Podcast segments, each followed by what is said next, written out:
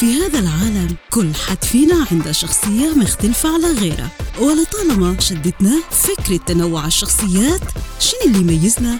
علاش في ناس تتصرف بطريقة معينة في مواقف معينة؟ وكيف نقدروا نكتشفوا أنفسنا؟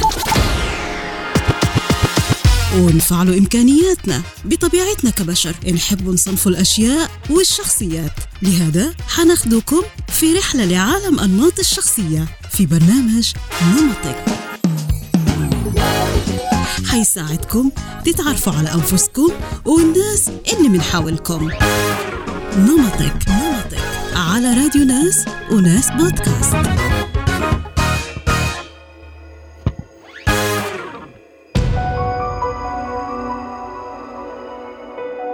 مبتكر فضولي منطقي. ثلاث كلمات تقدر من خلالها توصف شخصية نمط حلقتنا لليوم.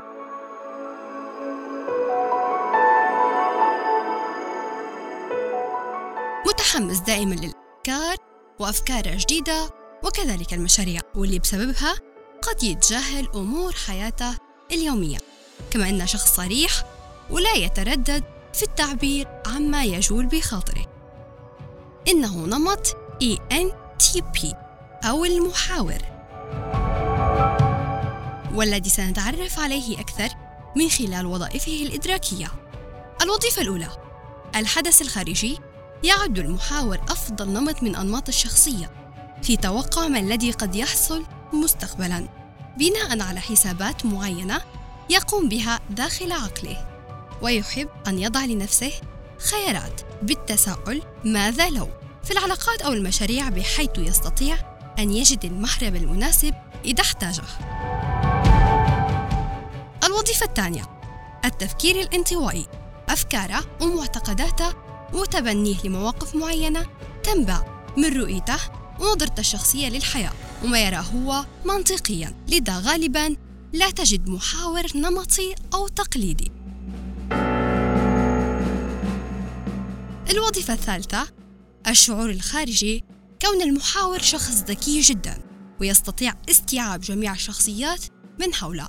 وعن قدرته على التوقع اللي تحدثنا عليها في الوظيفة الأولى سيحب المحاور أن ينصح الأشخاص من حوله إذ ما كان يعتقد أن أمر ما أفضل من الآخر. وهكذا كما أنه يمتلك القدرة والحماس على نشر أفكاره ونقل حماسه للناس من حوله.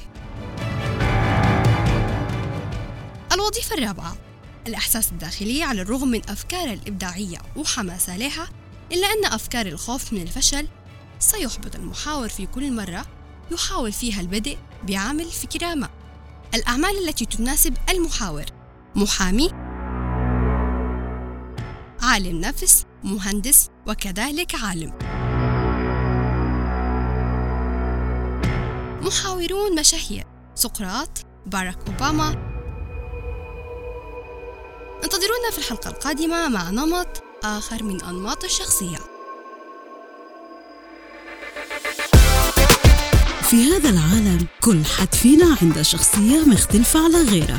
ولطالما شدتنا فكرة تنوع الشخصيات شنو اللي يميزنا؟ علاش في ناس تتصرف بطريقة معينة في مواقف معينة؟ وكيف نقدروا نكتشفوا أنفسنا؟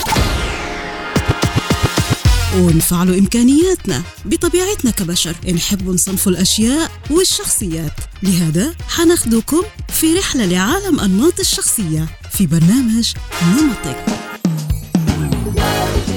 حيساعدكم تتعرفوا على أنفسكم والناس اللي من حولكم. نمطك نمطك. على راديو ناس وناس بودكاست.